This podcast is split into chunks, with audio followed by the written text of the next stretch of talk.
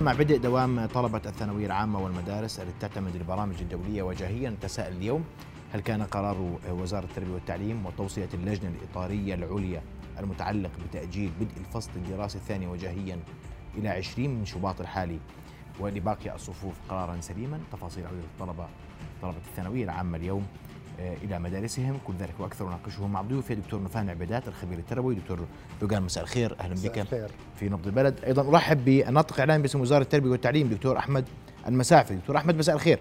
مساء الورد أخي محمد. يا هلا. واستاذنك دكتور دوغان سنبدأ من دكتور آه، أحمد. دكتور أحمد بداية كيف سار اليوم الأول لعودة طلبة الثانوية العامة للمدارس وعودة طلبة البرنامج الدولي؟ رؤيا بودكاست. مساء الخير أستاذ محمد ولضيفك الكريم الدكتور ذوقان عبيدات ولجميع المتابعين. أه، سيدي توجه صباح هذا اليوم ما يقارب 135 ألف طالب وطالبة من الصف الثاني عشر التوجيهي إلى مدارسهم بدأ معلموهم بإعطائهم الحصص المحددة ضمن البرنامج الدراسي الذي تم إعداده من قبل الإدارات المدرسية آه، المدارس كانت على استعداد لاستقبال طلبتها ضمن شروط صحية طبعا تتمثل في ارتداء الكمامات واستخدام المعقمات وأيضا المحافظة على التباعد الجسدي بين الطلبة آه، بمعنى آخر أن الأمور سارت كما هو مخطط لها في هذا اليوم. طيب دكتور أحمد السؤال كم طالب اليوم التحق في ال في ال في على مقاعد الدراسة؟ يعني بالنسبة للطلاب التوجيهي 135 ألف طالب تقريبا آه، وبالنسبة لطلبة المدارس الدولية تقريبا 12 ألف طالب. طيب هل تم إجراء فحوصات كورونا عشوائيا اليوم لطلبة المدارس اللي آه، التحقوا بمدارسهم؟ يعني الفحوصات العشوائية كنا قد أجريناها خلال الفصل الدراسي الأول لكن يعني آه، اليوم هو آه، أول يوم دراسي وبالتالي يعني اجتماع المدراء مع المعلمين لتنسيق البرنامج الدراسي آه، لذلك يعني سوف تبدأ هذه الفحوصات بالتعاون مع وزارة الصحة إن شاء الله في الأيام المقبلة. يعني لم نجري اليوم فحوصات عشوائية للمدارس. يعني على حد علمي ليس عندي معلومة يعني حول هذا الأمر بالذات كونه يعني آه، لم يتم التطرق له كنا مركزين على اللي هو بداية البرنامج الدراسي. طيب المعلمون اللي التحقوا اليوم بالمدارس هم فقط معلمو الثانوية العامة مش هيك دكتور؟ آه، في معلمين المدارس اللي هي الصفوف من الصف الأول أو من رياض الأطفال حتى عشر بتعرف إنه في طلاب آه، لم لم يتمكنوا من تقديم امتحانات نهاية الفصل الدراسي الأول بسبب إصابتهم بفيروس كورونا، كنا قد عممنا إنه هؤلاء الطلبة يستطيعون التقدم في بداية الفصل الدراسي الثاني، فهؤلاء المعلمون بالتنسيق مع مدير المدرسة قاموا بإعداد جدول امتحانات تعويضي لهؤلاء الطلبة. وقاموا بإعلان هذا الجدول عبر صفحاتهم على الفيسبوك أو التواصل مع ذوي الطلاب للتقدم لهذه الامتحانات. طيب دكتور سؤال أخير هل سجلت أي اصابات في المدارس اليوم بفيروس كورونا لإداريين أو معلمين أو طلبة؟ يعني اليوم الإحصائية إحنا تقريبا بشكل عام آه كما أعلنت عطوفة الأمين العام الشؤون الإدارية أنه يوجد 13000 حالة نشطه بين الطلبة ليس في طلبة التوجيه يعني فقط يعني جميع الطلاب و2500 إصابة في الكوادر الإدارية والتدريسية. هذه الإصابات يعني النشطه آه، بين الطلبة نعم. والكوادر الإدارية والتدريسية. نعم. بدي أشكرك كل الشكر دكتور أحمد المساعفي الناطق اعلام باسم وزارة التربية والتعليم. كنت مباشرة معنا عبر الهاتف. أعود لك دكتور دوغان وسؤالي الأول برأيك بقرار التأجيل للتعليم الوجاهي حتى 20 شباط وعودة طلبة الثانوية العامة والبرنامج الدولي لمدارسهم أنا بعتقد أي مسؤول ما عنده أي خيار إلا قرار التأجيل.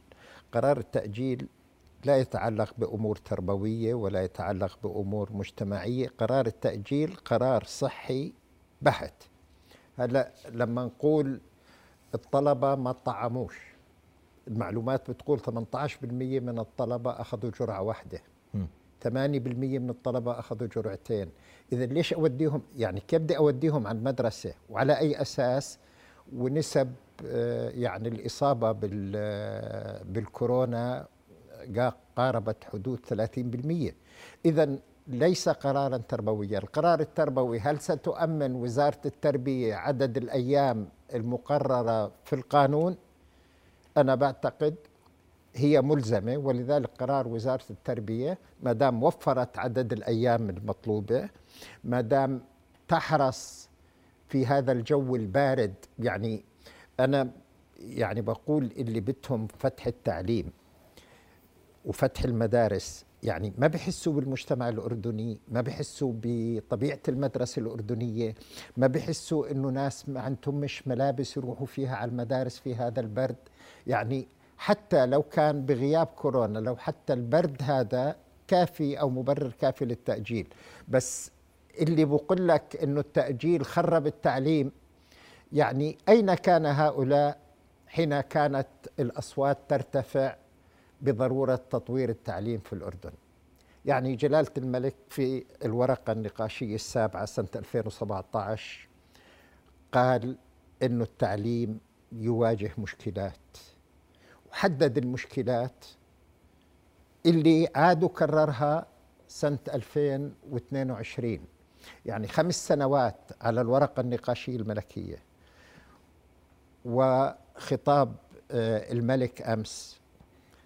كان قدامنا خطاب آه، الملكة في آه، حفل إعلان استراتيجية تنمية الموارد البشرية. قالت المناهج في خطر. قالت المناهج يجب أن تتطور قال التعليم يجب أن تتطور. طيب في الخمس سنوات والست سنوات الأخيرة كم مسؤول تربوي كان عندنا؟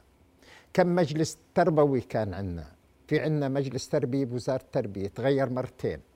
في عندنا خمس وزراء تربية. في عندنا المجلس الوطني للمناهج تغيرت قيادته مرتين تغيرت مجالسه مرتين. طيب مين مسؤول عن بقاء هذه الفجوة؟ هل هل ننتظر تحسين التعليم لخطاب جديد لجلالة الملك سنة 2025 يقول نريد تعليم التفكير نريد آه، محاربة الإشاعة نريد إعادة الألق إلى التعليم؟ اللي بده اللي حريص على التعليم مش بطالب بإعادة الطلبة إلى المدارس بأي ثمن اللي بده تطوير التعليم عليه أن يدعو إلى تطوير التعليم. هلا شو أسباب عدم تطوير التعليم؟ معروف. قبل قبل ما أجي لأسباب آه. عدم تطوير التعليم اسمح لي. بس إحنا اللي اللي بتقول عنهم اليوم بدهم الطلبة يعودوا إلى مدارسهم إنهم شعروا بأهمية المدرسة شعروا بالفارق الكبير ما بين وجود طالب في مدرسته ووجوده في حالة تعلم عن بعد. في مشكلة كانت في التعلم عن بعد الطلاب جهلوا في سنتين. هذا التوصيف اليوم عند البعض. لا التعليم التعليم عن بعد يعني ليس تجهيلا. التعليم عن بعد لم يكن خيارا إنما كان اضطرارا لجأت له وزارة التربية كما لجأت وزارة التربية بالعالم. بالمناسبة ليس اختراعا أردنيا التعليم عن بعد. التعليم عن بعد كان حلا عالميا في جميع الأنظمة التربوية. آه، لجأت إلى التعليم عن بعد. بعض الأنظمة كانت متطورة أكثر من بعضها. فكان نسبة نجاحها أكثر من نسبة نجاح التعليم في الأردن. التعليم في الأردن يعني التعليم عن بعد في الأردن كان جديدا. معروف أنه المعلم الأردني ما بتعامل مع التكنولوجيا بإتقان. إجت أزمة كورونا فجأة فكان مضطرا لأن يستخدم التكنولوجيا. مجتمعنا لم يتعامل مع التكنولوجيا بإتقان ولا عنده أدوات تكنولوجيا. فصارت الدراسة تعتمد على أدوات ليست موجودة عند الطالب وأدوات لا يتقن المعلم استخدامها. فمن الطبيعي أن تحدث هذه الفجوة. لكن أنا ما بناقشش الفجوة أنه ناتجة عن التعلم عن بعد. الفجوة ناتجة عن انقطاع التعليم وعن وجود أزمة كورونا. فأزمة كورونا هي اللي قادت إلى التعليم عن بعد وليس رغبة من وزارة التربية في اللجوء إلى التعليم عن بعد. بس بس هذه تجربة نتائجها تحتاج لسنوات من الإصلاح. تتفق تختلف؟ هلا التعليم عن بعد. م. واستخدام التكنولوجيا. هل هو في تراجع في العالم ولا في ازدياد؟ يعني مدرسة المستقبل معلم المستقبل طالب المستقبل كتاب المستقبل سوف تختفي كثيرا من المظاهر الحالية في المستقبل. ولذلك كلما تقدمنا في المستقبل كلما زاد اعتمادنا على استخدام التكنولوجيا ومنها التعليم عن بعد. اذا الحل هو كيف نطور أنفسنا ونطور مجتمعنا ونطور قيم منازلنا ليكون قادرا على استيعاب التعليم عن بعد. شو المشكلة إذا المعلم أتقن التعليم عن بعد؟ والطالب امتلك أدوات التعليم عن بعد. شو المشكلة بصير يعني هل من المعقول إنه أعطل التعليم لأني بقدرش أودي الأولاد على المدارس؟ طبعا يعني وزارة التربية كانت مخيرة إنه توقف التعليم كاملا أو تقدم تعليم عن بعد. بس في كل دول العالم برضو اللي ذكرت أنت أمثلة عنها كان التعليم في عودته أولوية. على كل شيء. وإحنا التعليم عندنا في الأردن أولوية بوزاره التربية. يعني لو أنت وزير تربية وتعليم يعني أولويتك هي إعادة الطلبة إلى المدارس. لكن بدك تقارن بين إعادة الطلبة إلى المدارس وبين إصابة الطلبة بمرض خطير. مين اللي بيختار وبيضحي بأولاده وأحفاده مقابل إنهم يتعلموا؟ طيب من يريد أن يحفز وزارة التربية على إعادة التعليم كان يجب عليه أن يحفز وزارة التربية على تطوير التعليم من عشر سنين أو من عشرين سنة. إحنا التعليم عندنا مش من كورونا فقر التعليم ما له علاقة بكورونا. آه، هبوط معدلات طلابنا بالامتحانات الدولية ما لها علاقة بكورونا. غياب التفكير ما له علاقة بكورونا. الإشاعات اللي حذر منها جلالة الملك ما إلها علاقة بكورونا. قلق التعليم اللي ضعف ما له علاقة بكورونا. هذه كلها عوامل نتجت عن ضعف أداء النظام التعليمي ولذلك الأولوية اللي بتمنى المجتمع يثيرها والقوى الضاغطة بالمجتمع يثيروها أنه كيف نترجم خطاب جلالة الملك إلى مجموعة من الخطوات العملية. وقبل ترجمته يجب أن نسأل لماذا لم يحدث أي تغيير في خطاب جلالة الملك من خمس سنوات إلى الآن؟ هلا أكثر اعتراف إنه أن أحدا ما لم يفعل شيئا في مجال التربية والتعليم إنه ما قيل في خطاب الملك أمس هو نفس ما ورد في خطاب جلالة الملكة قبل ست سنين وفي الورقة النقاشية قبل خمس سنين. طيب إذا مين اللي بدعو لتطوير التعليم؟ يعني هل يجب علينا أن ننتظر رئيس الدولة حتى يقول طوروا التعليم؟ المجتمع مسؤول عن تطوير التعليم.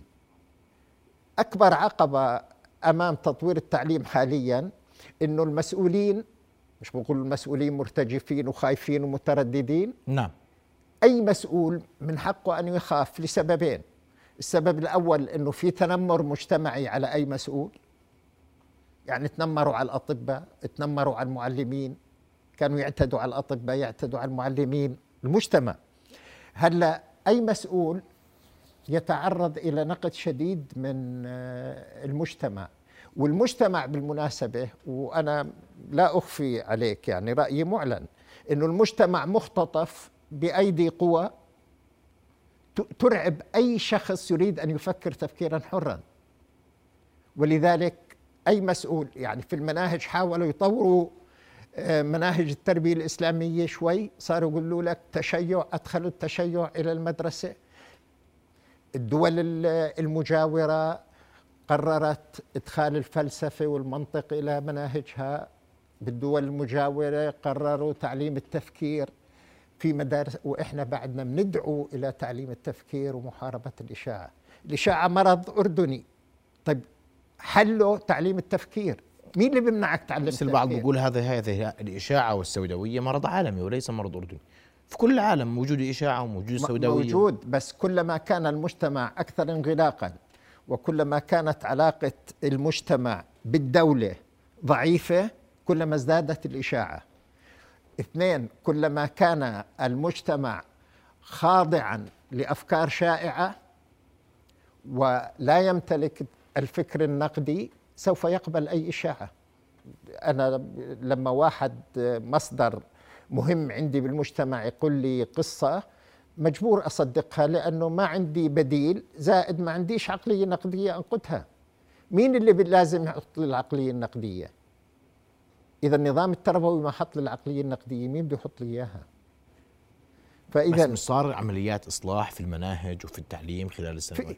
في, في يعني تشكيل المركز الوطني للمناهج. كان مطلبا أنا أول من طالب بتشكيل مركز وطني للمناهج بعيدا عن وزارة التربية حتى يكون المركز وطنيا بمعنى إنه ما يكون فئويا زي ما كان في وزارة التربية. فنقلت المناهج إلى المركز الوطني للمناهج. المركز الوطني للمناهج تجربته الأولى كان في قيادة معينة لم تنجح في وضع المركز على الطريق الصحيح. ثم استبدلت القيادة بقيادة أخرى. القيادة الأخرى تبحث عن طريقها للوصول لعلها تفلح في تقديم مناهج آه، يعني هلا التقييمات الأولية للمركز الوطني للمناهج بتقول إنه تغير ما لم يحدث بين الكتب القديمة والجديدة بشكل يعني يغطي الكلفة اللي اللي حصلت أو يغطي التغير آه، الحاصل. تغيير المناهج بده دعم المجتمع وبده إعطاء الحرية للمسؤول وبده المسؤول يكون واعي شو بده آه، يعني شو بده من المناهج. أستاذي إذا ما في رؤية عند المسؤول شو بتتوقع من مدير تربية أو مدير تعليم أو مدير مؤسسة تعليمية ما عنده رؤية؟ كيف بده ينظر للمستقبل ويطور؟ الأدوات اللي بيستخدمها. طيب. آه اذا آه أنت برأيك علينا أن نبدأ سريعا بعلاج أزمة يجب أن تشكل وزارة التربية فريقا متحررا مش فريقا تمثيليا. عندنا مجالس تربية عظيمة. بنقوا لك لمجلس التربية أشخاص. هلا بدي أعطيك مثال والله مجلس التربية. مجلس التربية مسؤول عن وضع السياسات التربوية. طيب بالأربع سنين اللي فاتت كان في عندنا مجلس تربية. لم يحدث أي فرق. لما أعيد تشكيل مجلس التربية كان معظم الأعضاء القدم ظلوا موجودين بالمجلس الجديد. طيب شو بتتوقع تغيير؟ إذا المجلس القديم ما سوى تغيير. والمجلس الجديد على نمط المجلس القديم. اذا من الذي سيحدث لك التغيير؟ ننتظر التغيير بكل بساطة. أشكرك كل الشكر دكتور دوغان عبيدات. علقت على قضية التأجيل وتراها مناسبة حماية للصحة. وأؤيد بحماس قرار وزارة التربية لتأجيل. واضح. هو مش تأجيل إزاحة إزاحة الفصل. طيب بعدين بدي أسأل سؤال. مين اللي قال أنه عطلة المدارس الصيفية ثلاثة أشهر. بتعرف ليش قرروا العطلة ثلاثة أشهر بالزمانات؟ ليش؟ لأنه كانوا الاولاد يشتغلوا بالحصيدة مع أهاليهم. وراحت الشغلة ونسيوها وظلت ثلاثة أشهر وصارت قانون ويجب أن تكون ثلاثة أشهر ويجب أن تكون ثلاثة أشهر والأولاد لا في حصيدة ولا من يحصدون. طيب إذا أجل إذا أجلنا أزعنا إذا قلصنا العطلة يعني شو بصير؟ طيب. بدي أشكرك دكتور ذوقان مرة أخرى. شكرا لحضورك. الليلة معنا شرفنا. رؤيا بودكاست.